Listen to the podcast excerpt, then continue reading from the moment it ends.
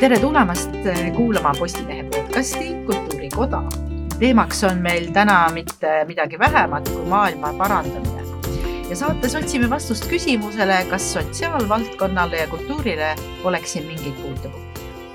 tutvustan härrasid, kes minuga siin koos laua taga on. metseen Heldur Meerits, vaatame, kas tuleb vastuväiteid, lavastaja Tiit Ojasoo ettevõtja, kes on ühtlasi ka Pahkla vaimupuudega inimeste Campchilli juhatuse liige Tiit Turva ja veebi teel oleme ühenduses Erik Hannusega, Pärnu Noorte Innovatsioonikeskuse Huub ühe loojaga. mina olen Heili Vaus-Tamm, kontserdikorraldaja ning Eesti Kultuurikoja tegevjuht. esimeseks küsimuseks äh, saab sõna Heldur Meerits ja siis hakkame niimoodi järjest siin minema jah, meie, meie see varasem sõjaplaan nägigi ette, et, et lisaks sellele üldisele äh, sissejuhatusele, et katsuks arutada ka veidikene konkreetsemalt ja et, et siin on nagu väga eri, meil on nagu väga erinevate valdkondade inimesed, et, et mis teie tegevuses siis nagu õigupoolest maailmas paremaks läheb, et, et mingid te, tööd ja tegemised on meie jaoks nagu nii iseenesestmõistetavad, et niimoodi on aastaid asi käinud ja, ja noh, küllap seal on nagu mingi ratsionaalne või, või maailmaparanduslik iva ka olemas, aga noh, prooviks seda nüüd taas korra jälle sõnastada. palun, Tiit. ja see on väga selline tõsine väljakutse oma, oma nii-öelda praegusest äh, ametipositsioonist nagu, nagu vaadata, et, et mis kasu sellest on siis ühiskonnale tervikuna. et selles mõttes on, on Pahkla Campville küla ja, ja see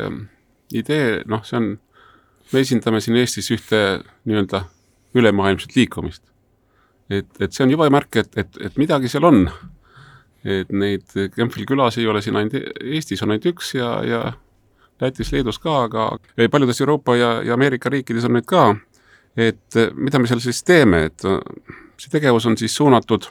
erivajadustega, intellektipuudega inimestele, et, et, et toetada nende elu ja tegevust, et kui nad üksinda kodus elaksid ja oleksid, siis oleks neil üsna keeruline ennast nagu noh, realiseerida või nendega hakkama saada, aga, aga kui me oleme kogukonnas, siis me eh, toetame eh, neid läbi selle, et nad on ühtepidi, teevad vajalikku tegevust nii-öelda minima-, mingil määral teevad tööd, valmistavad küünlaid, koovad kangastendidel, toimetavad farmis, meil on farm, et, et selles ühises koostegevuses on, on mingi fenomen. et kus on siis nii-öelda tegevusjuhendajad juures, aga need inimestele on antud võimalus elada täisväärtuslikku elu ja, ja läbi nende tegevuste, nende päevarütmide kaudu, et see on minu arust väga, väga oluline, et, et ei ole kedagi kuskile eraldi jäetud, et me, meil on nad seal koos ja meil ei ole ainult nii-öelda see töine tegevus, vaid on ka nii-öelda see kultuuriline elu, on meil ühised üritused, ühised tähtpäevad ja, ja nad, nad nagu elavad täisväärtuslikku elu ja, ja, ja see on nagu see tähendus võib-olla siis ka laiemalt, et et vaatamata sellele, et sul on siis, siis mingi puue ja, ja, ja üksinda ei, ei saa nagu hakkama siis meie üks slogan ongi, et, et koos oleme tugevad. et äh, siit ma saan niimoodi aru, et siin on tegemist, noh, see kasulikkus väljendub ka selle ühe inimese tasandil, et see ei just, ole nagu lihtsalt just. mitte mingisugune Sotsiaalkindlustusameti aruandes just, üks rida. jah, aga need iga, iga inimese elus kajastub ja. see ka et me ei tee seda mitte jah, tõesti Sotsiaalkindlustusameti jaoks, vaid nende inimeste jaoks, et see inimese tasand on see, ja siit on ka nagu eeskuju nagu laiemalt ühiskonna tasandile ja noh, üldse, et me ikkagi aitame siis teatud äh, ühiskonna ütleme, kriitilistel elanikkonnagruppidel äh, leida seda oma elu mõtet ja sisu, et, et ma julgen öelda, et meie külas nad on õnnelikud. Nad on küll ärevad, nad on vahel ka murelikud, aga kui sa need tuled ja räägid ja näed nendega, siis neil silmad säravad. et see on võib-olla oluline tähendus Erik Hannus äh,, ei saa öelda ka, et oleks noored kriitiline ühiskonnagrupp, aga ikkagi sa oled kokku kutsunud noored Pärnus loonud innovatsioonikeskuse Huub, et, et miks sa nii pöörasele mõttele tulid?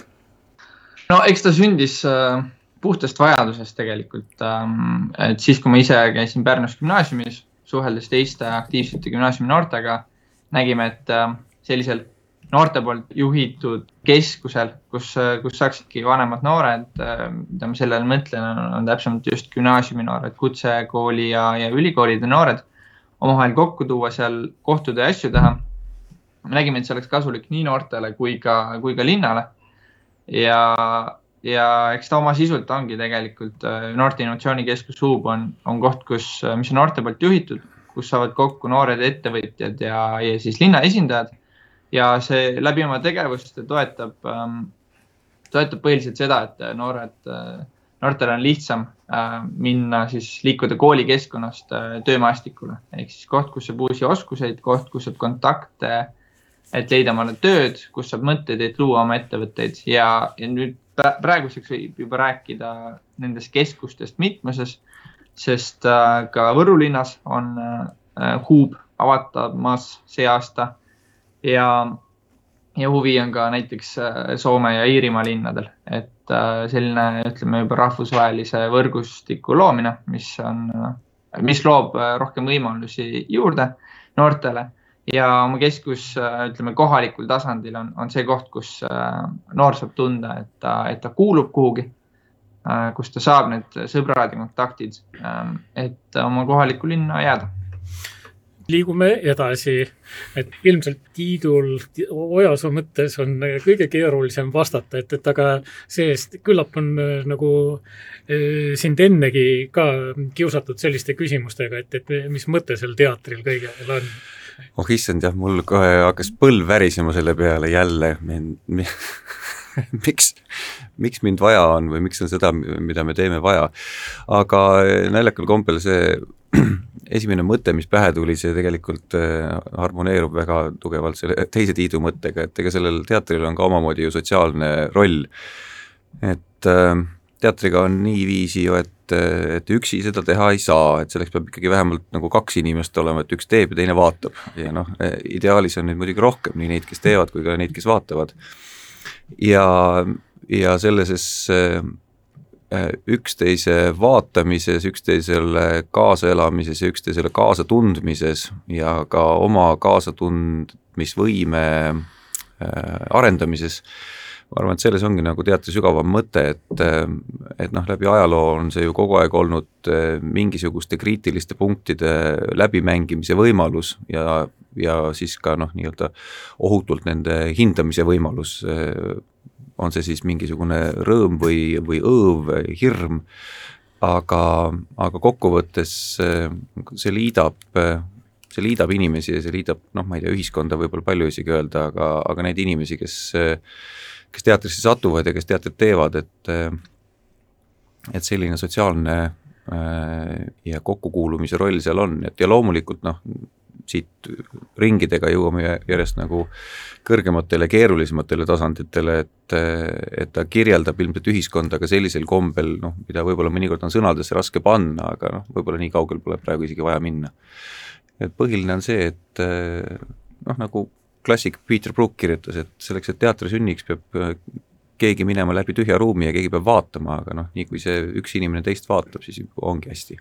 aga ma siia juurde veel küsiks seda, et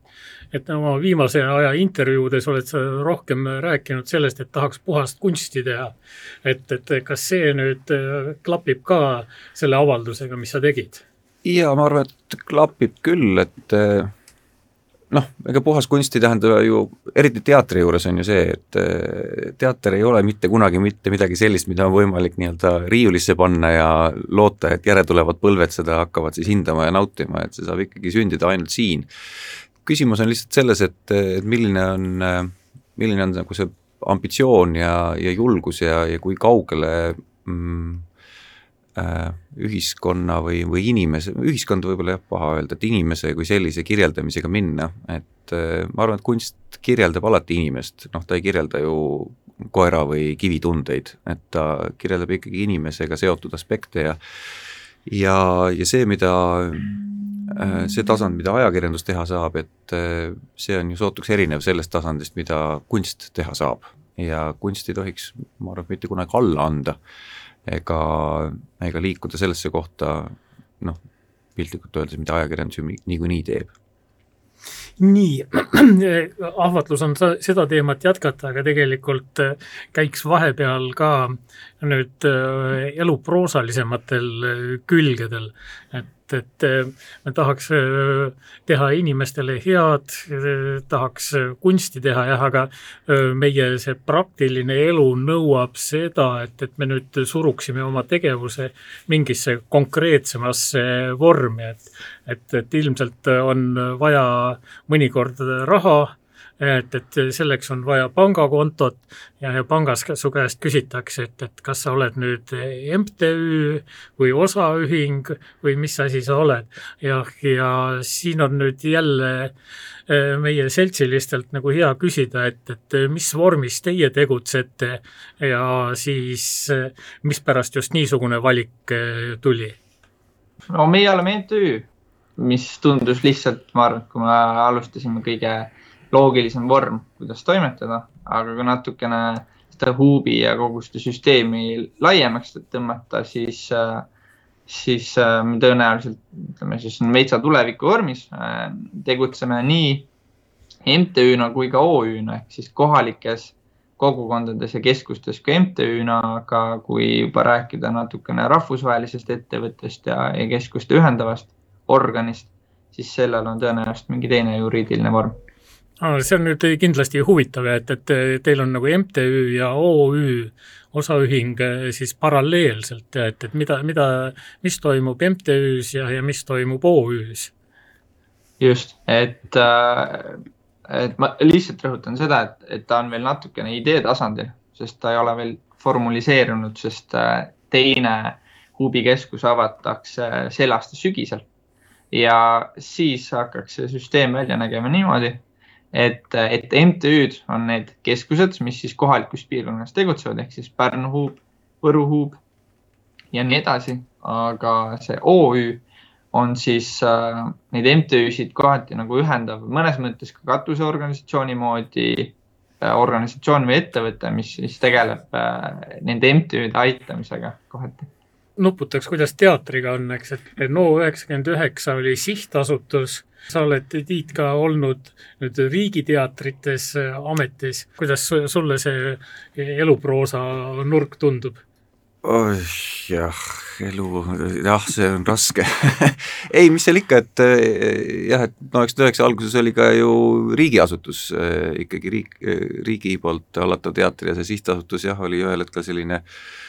riigi otsus, et kõik teatrid on vaja endast natukene eemale tõugata ja, ja lasta neil sihtasutustena eksisteerida, et ma ei tea, seda ma tagantjärgi siin väga kommenteerida ei oskagi. Praegusel hetkel vabakutselise lavastajana, et meil on Ene-Liisiga kahe peale MTÜ, mille abil me siis ka oma viimase lavastuse näiteks produtseerisime, aga noh, see MTÜ vorm on valitud põhiliselt sellepärast, et see on võimalus, kuidas on, saab ka Kultuurkapitaliga suhelda, et, et OÜ-ga vähemalt sel hetkel, kui me tegime selle MTÜ, et siis äh, OÜ-d äh, nagu jutule ei pääsenud. aga ma ei tea, mulle kuidagi tundub, et see MTÜ või mingisugune juriidiline vorm on seal põhiliselt vajalik selleks, et, äh, et riik näeks, kuidas arved liiguvad, et eh, kogu see rahaline külg on seal suhteliselt nagu marginaalne niikuinii. jah, ja ma saan aru, et, et see nagu sisulist tööd nagu ei, väga ei sega, et, et, et oled sa e-, e-, sihtasutus või MTÜ või, või mida iganes. jah, seal igalühel on omad eelised ja, ja, ja puudused, et eh, noh, lõppkokkuvõttes on Eesti äh, kultuuriinimeste kõige suurem küsimus on ikkagi sotsiaalsed garantiid ja noh, neid ei lahenda ükski OÜ ega MTÜ, vaid peab ikkagi riik nüüd midagi tegema sellega. nii, ja kui vaadata nüüd Pahklat, siis tegelikult Pahkla on ka selles mõttes huvitav noh, niimoodi kooslus, et, et eh, ühtepidi on Pahkla Campville küla sihtasutus, aga mitte ainult e,. siis edasi on, on fond, eh, Pahkla Campville küla fond kes on siis nende maade ja, ja hoonete nagu omanik ja Pahkla fondi all on omakorda on siis OÜ, mis on äh, Pahkla Campville Farmi OÜ, mis on siis nagu tootmisettevõte, kuna seal see põhitegevus ongi mm, põllumajandus, karja kasvatamine, äh, juustu, juustu tootmine ja nii-öelda selline tootev tegevus. aga, aga nüüd ütleme, noh, need on need juriidilised er erandid, noh, tegelikult on see, et see farm toodab nagu toitu ühtepidi külale ja mis jääb üle, seda me ka realiseerime. ja, ja fond on nagu katusorganisatsioon selleks, et, et asjad oleks nagu korras ja, ja ei saaks mingi ühe mehe võimupositsioon seal nagu hakata laiutama, vaid et see oleks nagu tervikust lähtub äh, nii-öelda nende külaelanike vajadustest ja, ja inimlikkusest äh, printsiibist lähtudes, et see on nagu selline nagu väike ühiskonnamudel, et, et kus, kus ei saa keegi dikteerida, ei ükski nii-öelda investor või keegi, vaid, vaid fond otsustab selle üle, mis nagu asjad toimuvad. kas siin on nüüd selline erinevus ka, et, et noh, kas või seesama talu ja et, et see müüb äh, klientidele oma toodetut ja aga siis seal MTÜ-s te, te nagu rohkem vaatate mingeid toetusi ja annetusi. no sihtasutus jah, meil päris MTÜ ei ole, jah, ja, ja, ja. E, no tähendab, fond on see, kes siis vaatab neid toetusi ja fondi kaudu tulevad ka investeeringud. Et me nagu igapäevategevus ongi nagu mm, majandamine, aga tegelikult need omavahel nagu hästi läbi läbi põimunud, sest ka külaelanikud, kes teevad seda igapäevast tööd, juhendatud tööd, nad valmistavad küünlad, nad valmistavad ähm, kangastooteid, vaipu, patju. Ja, ja osad külaelanikud töötavad nagu farmis juhendajatega koos, et selles mõttes on hästi nagu ähm, läbi, läbi segunud, aga noh, midagi läheb sealt ka väljapoole ja finantseerimine on see, et siis noh, ühtepidi on ka sellised äh, väga erinevad investorid, alates äh, välismaa nii-öelda Campfield liikumine, siis veel erinevad Euroopa sotsiaalsed fondid ja, ja, ja toetusfondid, eks, et noh, et kus, kus nagu seda, sellel mudelil nähakse nagu sellist elujõulist ja, ja noh, et et, et seda on noh, vaja igal juhul toetada. Ja noh, Eesti riigi poolt tulevad siis nii-öelda need nii-öelda ülalpidamiskulud, nende külaelanike ja, ja töötajate palgad, et, et, et selles mõttes me oleme kuidagi hästi niimoodi mitmekülgselt nagu integreeritud ja läbi selle terviku me suudame nagu jätkusuutlikult kuidagi toimetada see on nüüd päris keeruline äh, süsteem kõik kokku, aga, aga, aga võib-olla meid kuulab ka mõni inimene, kes äh, tahaks näiteks oma ähm, organisatsiooni luua ja kes tahaks ka heategevuslikku organisatsiooni luua, nii et tuleb ühesõnaga leida õiged proportsioonid OÜ UI, usaldusühing, eks ole, siis sihtasutus, MTÜ-d, et et eks neil on kõigil oma võimalused, aga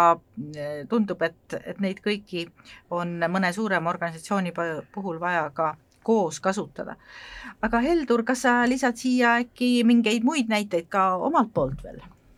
no neid äh, organisatsioone oleks küll ja küll, aga ma pigem siis äh, kasutaksin ära seda olukorda, et, et kiita Heateo sihtasutust, et, et mis on äh, tegelemas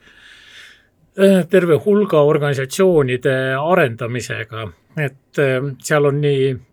osaühinguid kui ka mittetulundusühinguid ja ühest küljest on tegemist mõjufondiga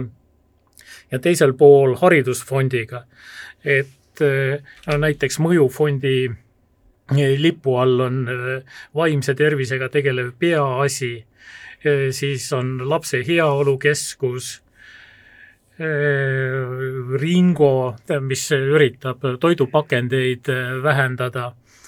haridusfondi puhul sellise juhusliku valikuna on äh, asendusõpetajate programm Noored kooli, haridusjuhtide praktikaprogramm,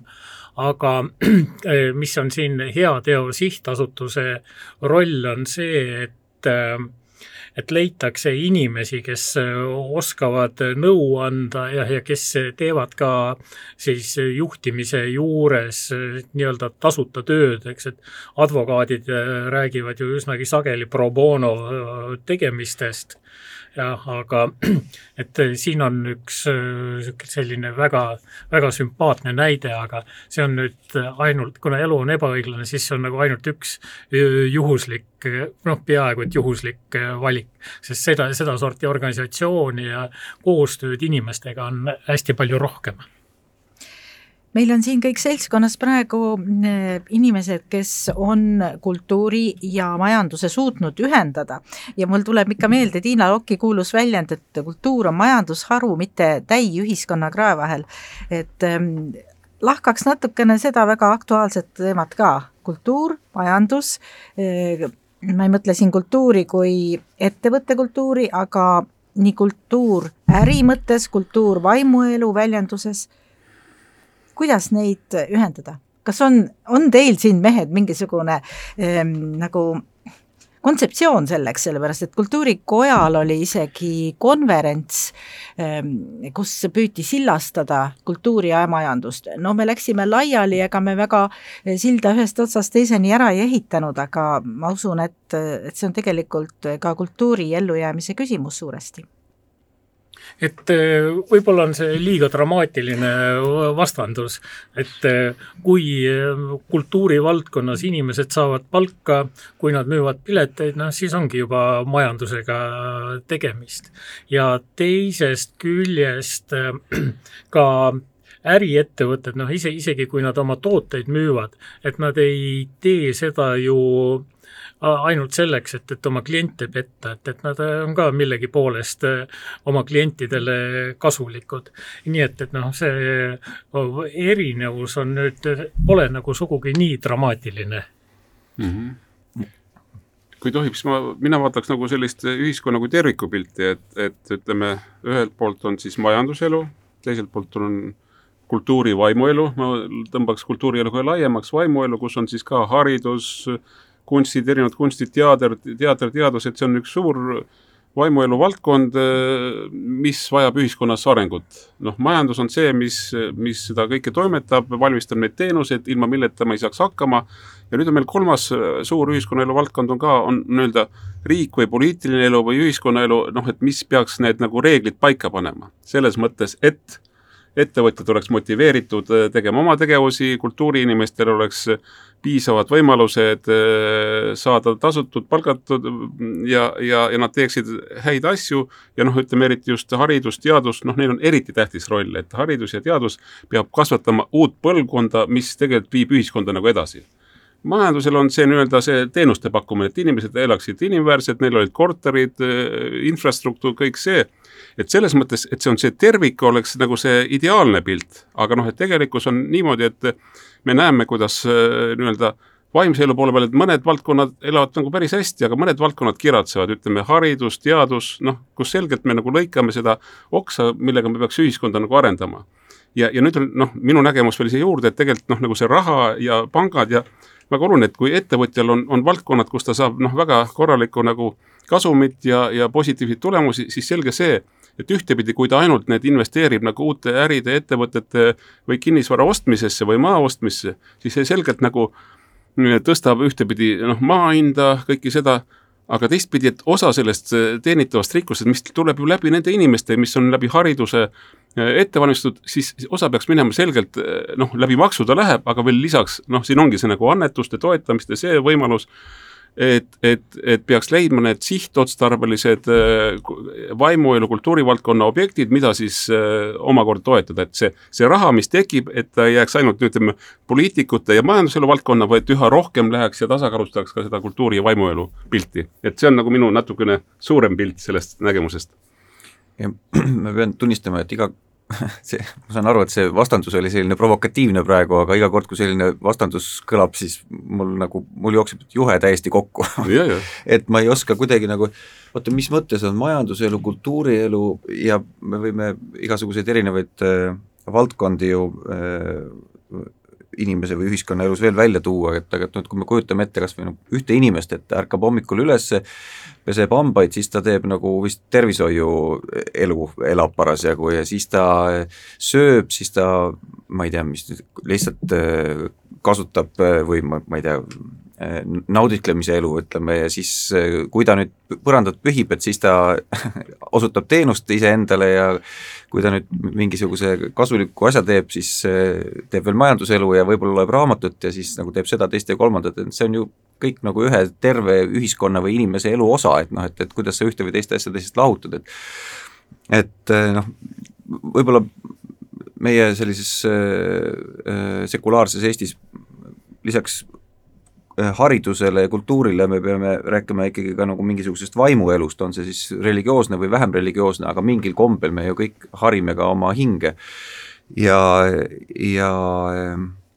me ei pea rääkima ettevõtte kultuurist, aga no näidake mulle palun kultuurituid töötajaid, ärimehi, mida iganes, noh, see, see on nagu nii loomulik inimese osa, et et jah, et üht, mind isiklikult on alati kohutavalt kuidagi häirinud kõik kultuuri- ja kunstiinimesed, kes räägivad, et ah, ma olen kunstiinimene ja mulle nagu, mind see majanduslik pool üldse ei puuduta. ja täpselt samamoodi mind häirivad ka, noh, mitte häirivad, vaid noh, panevad õlgu kehitama inimesed, kes ütlevad, et äh, põhiline on, ma ei tea, äri või majandus ja kultuur, see pole üldse tähtis, on ju, kuulge, halloo, et, me kasutame ja oleme ju kõik omavahel, äh, omavahel seotud äh, ja igasugused liialdused on alati noh, liialdused, nagu nimigi ütleb et äh, kui, kui prooviks selle kehvasti seatud küsimuse äh, juures välja ennast keerutada niimoodi, et, et prooviks arutada nüüd selle vajaduste hierarhia, Abram Maslowi vajaduste hierarhia teooria pinnal. see ei kehti ju enam.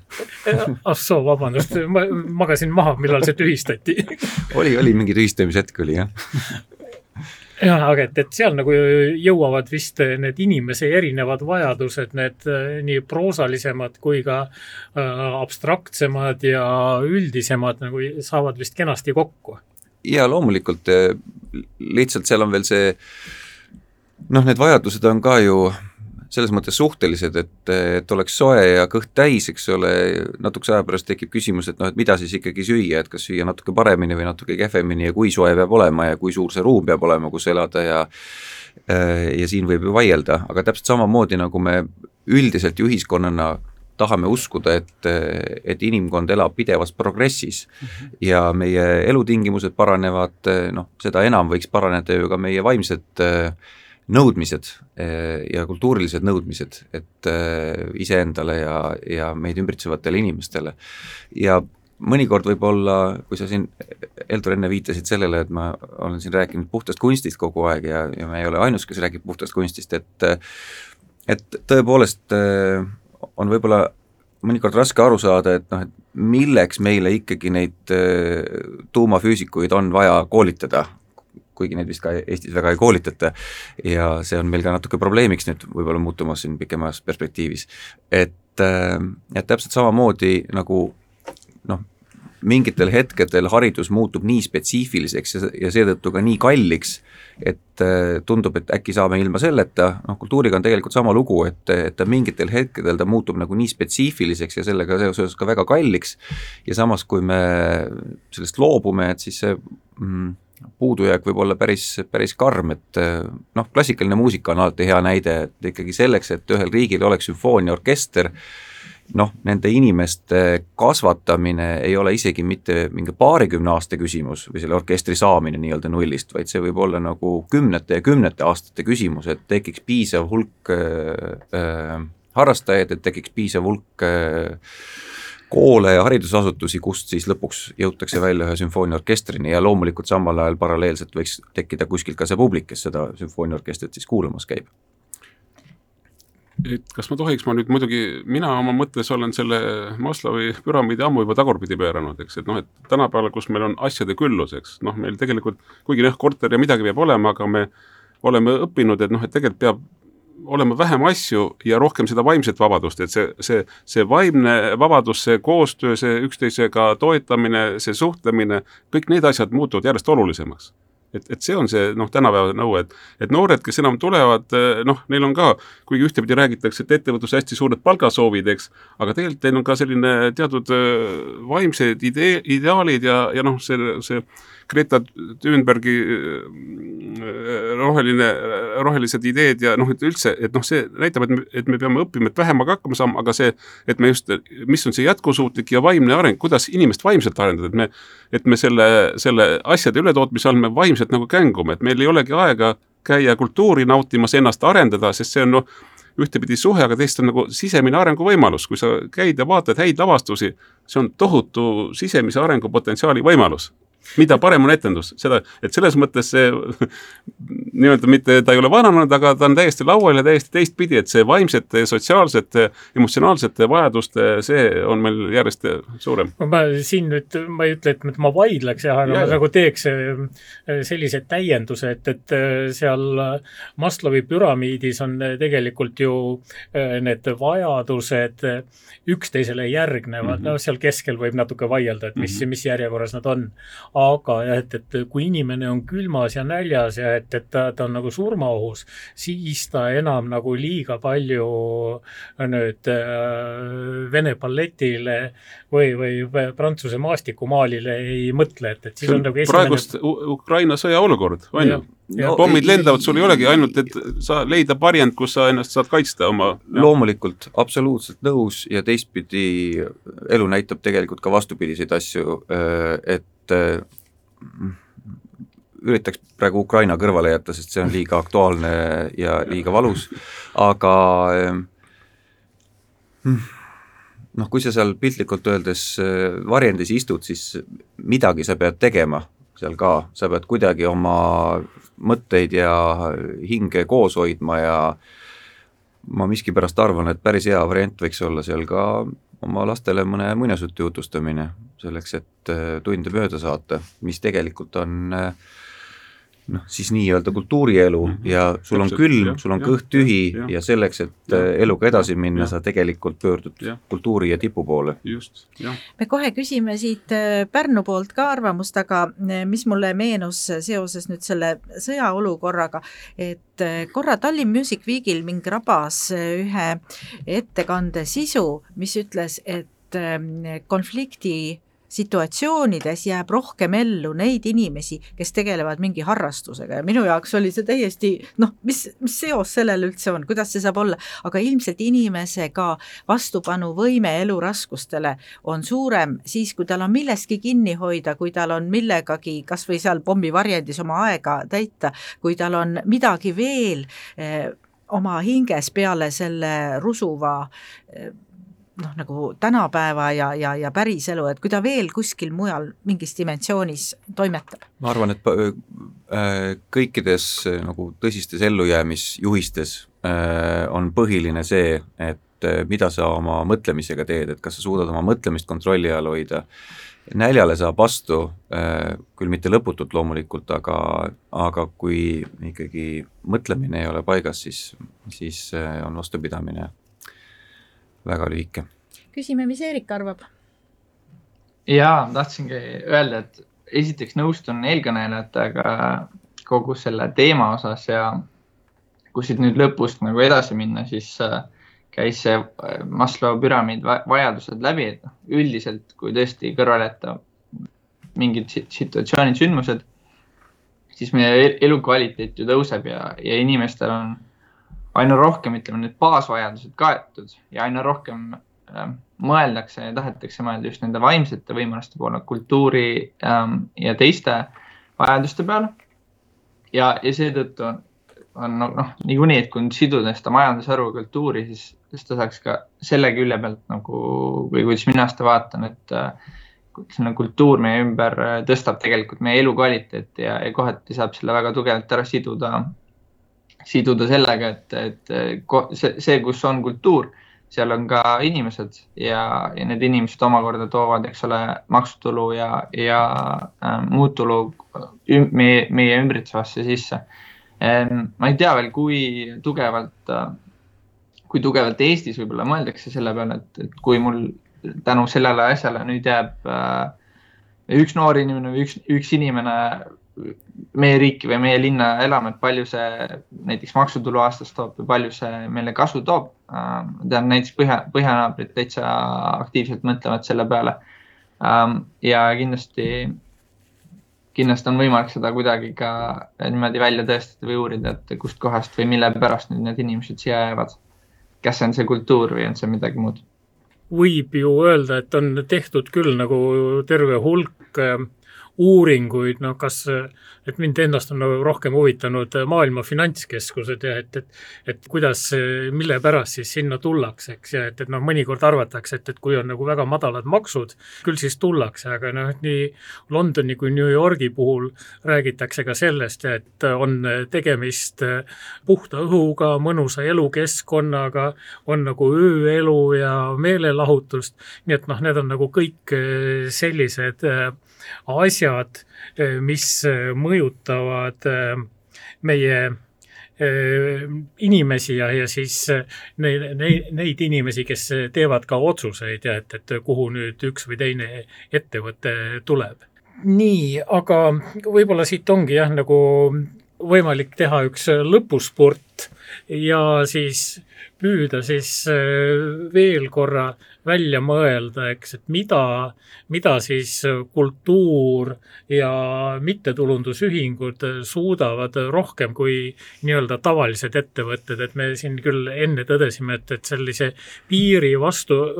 piiri vedamine on kindlasti kunstnik, kunstlik, aga eks see ole ka üks niisugune teaduse meetod et, et, et sa lihtsustad ja siis ehitad mudeli ja selle pealt siis öö, püüad mingeid järeldusi saada ja noh, siis samas tead ka, et, et see mudelil endal on juba nagu mingid puudused. See oli nii, nii keeruline küsimus, eks, et see oli nüüd keeruline küsimus jah, et äh, võib-olla see oligi vale küsimus. ei, kuidas see vale saab olla, ma ei tea, no mida, mida suudetakse rohkem hm.. ma siin äh, hiljuti viimane lavastus, mis me koos Ene-Liisiga tegime, et, et ühes kriitikaartiklis äh, võib-olla noh, ma ei tea, tore selline kiitus oli selline, et et et kui vaadata ruumi kasutust, et siis äh, enamus äh,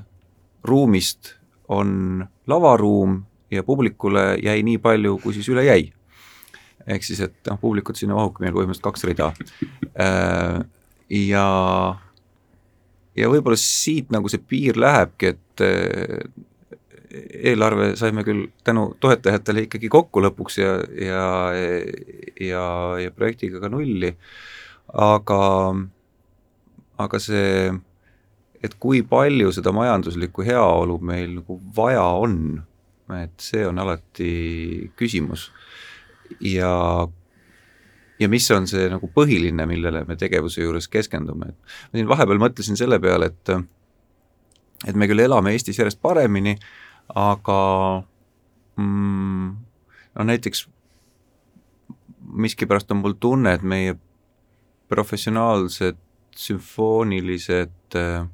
muusikud näiteks ei ela palju paremini, kui nad elasid, ütleme, nelikümmend aastat tagasi. Äh, ehk siis, et noh, et, et, et sellist nagu tippu meile, äh, kultuuri tippu meil ei ole suudetud väga palju nagu kõrgemale ajada, vaid kogu aeg on niisugune tunne, et noh, et äkki siit saab veel kuidagi mingisugused organisatsioonid kokku panna, äkki saab veel kuidagi nagu mm, midagi ratsionaliseerida siin? eks kindlasti uute tegijate ja uute suundade tulemine ja ka uute ettevõtlusvormide tulemine kultuuris rikastab eh, pilti, et eh, tooks sellise väikse egoistliku näite, et mm, mina näiteks sügisest nüüd mm, ise koos uute partneritega, ma olen lahkunud praeguseks Eesti Kontserdist, alustan äh, sellist sarja nagu Vaimse tervise sari, töö pealkirjaga Teaduse ja kunstimängud, et me korra Eesti Kontserdis me ka katsetasime sellist vormi, aga mulle tundub, et see on praegu hästi vajalik, see on hästi oluline ja ütleme, suure organisatsiooni puhul on äh, raske nagu teha äh, kiireid ühiskonnaelule mm, olulisi pöördeid ja muudatusi, seal on oma prioriteedid, oma ütleme noh, niisugune lavastustoodete plaan ja, ja, ja see elu läheb tegelikult kuskilt mujalt mööda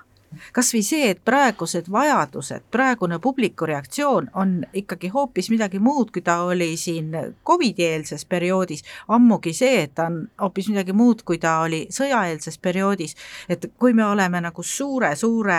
eh, riikliku laeva peal, mis eh, toodab kultuuri, eh, siis selle pööramine on päris aeglane tegevus ja võib-olla publik ujub kuskilt kõrvalt mööda. et siia kõrvale võib veel lisada, et ka see vabatahtlik entusiasm ja noh, inimeste mobiliseerimine, et see on nagu ilmselt ka selle mit, nii-öelda mittetulundussektori suur pluss, et, et Eerik, et, et kuidas sinul on õnnestunud Pärnus, et noori mobiliseerida või ära kasutada jutumärkides? jaa, Ähm, et täpselt ongi see, et kohati kindlasti on ka ähm, ettevõtluses võimalik seda teha, aga mis annab nagu hea, hea plussi äh, heategevuslikus kontekstis ongi see, et ta paneb inimesed ju tegelikult liikuma ja, ja koos midagi ellu viima. kui me ähm,, kui me Pärnus äh, Huubi keskust ehitasime, siis äh, tänu sellele, et meil oli selline idee, mis mis äh, aitab kohalikke noori ja kogukonda, siis äh, ähm, keskust aitasid ehitada äh, alates lastest, noortest kuni ettevõtjate ja, ja abilinnapeadeni välja, ähm, kes nii, nii-öelda ehitusplatsil pea sada erinevat inimest ja tänu sellele sai asi kiiremini valmis ja kordades odavamalt, kui oleks tavaolukorras olnud. tuues nagu ühe näite, et ähm, et inimesed saavad väga hästi aru, kas, et mis see on, kas see on äriline tegevus, on see midagi muud ja kui nähakse, et tegelikult tehakse midagi, mis, mis on ka neile väga kasulik ja mis on heategevuslik, siis äh, tihti tahetakse oma panus anda, seda on praegusel, sellel Ukraina-Venemaa konflikti olukorras ka kindlasti tugevalt näha et sul on ka mõtteid? jah, mul on ka vabatahtlikkuse koha pealt mõtteid, sest äh, meie Pahkla külas on, on selline huvitav fenomen, et me iga aasta kuskil suve lõpul meil tuleb uus partii vabatahtlikke Euroopast või noh, valdavalt on need tulnud Saksamaalt, aga ka teistest maadest. ja need on noored siis gümnaasiumi lõpetajad noored, kes tulevad nii-öelda terveks aastaks vabatahtlikult tööle. Nad õpivad ära siin eesti keele, nad teevad siin farmitöid, nii-öelda külatöid ja õpivad meie kultuuri ja, ja see nagu töötab, et noh, praegust on meil, see aasta on meil täitumas kolmkümmend aastat Pahkla Campil külast ja nüüd tuleb suvel pidu. meil tundub, et neid vabatahtlikke, kes meil on kõik siin läbi käinud selle aja jooksul, neid on üsna, üsna hea suur seltskond ja see on omaette fenomen, et, et äh, aga nüüd seoses jällegi sõjaga on meil see oht, et järgmine aasta neid ei tule, sest me oleme nii-öelda rinderiik. kriisipiirkond ja rind, rinderiik, aga noh, see fenomen on hästi hea, et nad saavad siin sellise elukogemuse ja peale seda nad siis lähevad midagi edasi õppima aga nad on kõik nagu vaimustuses ja tulevad niimoodi lühemaks ajaks ühte lugu tagasi. et lihtsalt jagasin seda kogemust, jah me siin lõpetuseks ütleks äh, seda, et äh, kui aina rohkem ähm, võivad äh, tehnoloogia saavutused, robotid meie eest ära teha tööd, siis vähemalt ühte nad meie eest ära teha ei saa ja see on teatrisse minna, kontserdile minna, ühesõnaga kultuuri tarbida. et võib-olla ongi nii, et ähm, seoses tehnoloogia arenguga aina rohkem jääb inimesel vaba aega, mida ta siis sellega teeb. Ja üks huvitav äh, näide, mis mulle on äh, tulnud äh, meelde, vene lavastaja Popovski ütles Kuldsel maskil korra sellised sõnad, mis said minule isiklikult nagu teatud nagu mõttes teerajajaks, et tulevikukunst on suuresti inimese enesepeegeldus läbi kunsti, et see aitab midagi tal enda kohta teada saada, aitab tal oma isiklikus arengus äh, kuhugi jõuda, iseenesest väga põnev ja ka suur vastutus siis sellele, kes äh, sellise kunstivormi lavale toob, sest noh, muidu võib ju nõustuda, võib mitte nõustuda, aga kui sinuga räägib psühholoog, sinuga räägib ajuteadlane, no siis justkui on nagu kõvemad väited või mis sa selle kohta ütled, Tiit? kas kunst on kunagi olnud midagi muud kui eh, iseenese peegeldus läbi kellegi teise silmade, et ta ju noh, lõppkokkuvõttes ükskõik mis teost, eh, olgu see kaljujoonis või, või mis iganes virtuaalreaalsusest pakatav eh, uus meedia, et sa vaatad ikkagi ju seda ainult oma silmadega ja oma kogemuse põhiselt. Mida ma enne öelda tahtsin, on see, et, et minu meelest on praegune tendents on niimoodi, et, et kuna nii palju võimalusi on, siis need võimalused, kuidas ma ütlen, see pind, mille peale kunsti luua või kultuuri luua, muutub järjest laiemaks aga mida laiemaks see pind muutub, seda rohkem me peame pingutama, et see püramiid oleks ikkagi sama kõrge vähemalt, kui ta enne oli. ma seda võib-olla mõtlesin ja, ja äh, on äärmiselt sümpaatne, et aega meil ju tegelikult on rohkem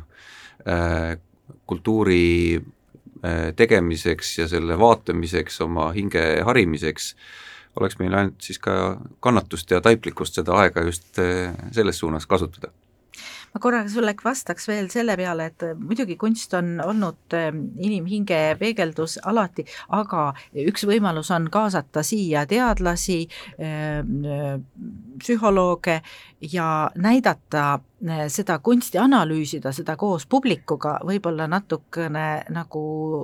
teadlikumal, sügavamal ja tõsisemal tasandil, seda ma pidasin silmas. ja, ja loomulikult, kõik need võimalused on olemas. ja mul on ka üks mõte, et tegelikult ongi see kunstiga noh, ütleme, mis iganes vaatamine, jälgimine, lugemine, see on ju pidev enesearengu protsess. sa ütlesid, et tohutult palju võimalusi, ma olengi sellega nõus, aga me ise peame valima, et kuhu ja kuidas me ennast arendame, et kui me rikastame ennast nende maailma kunstnike, kirjanike kogemustega, see annab meile endale tohutult ja läbi selle me oleme rohkem inimesed, kui me oskame seda enda jaoks teadvustada. no nii, nende ilusate sõnadega võiks lõpetada. me oleme rohkem inimesed. aitäh kuulamast ja järgmise podcastini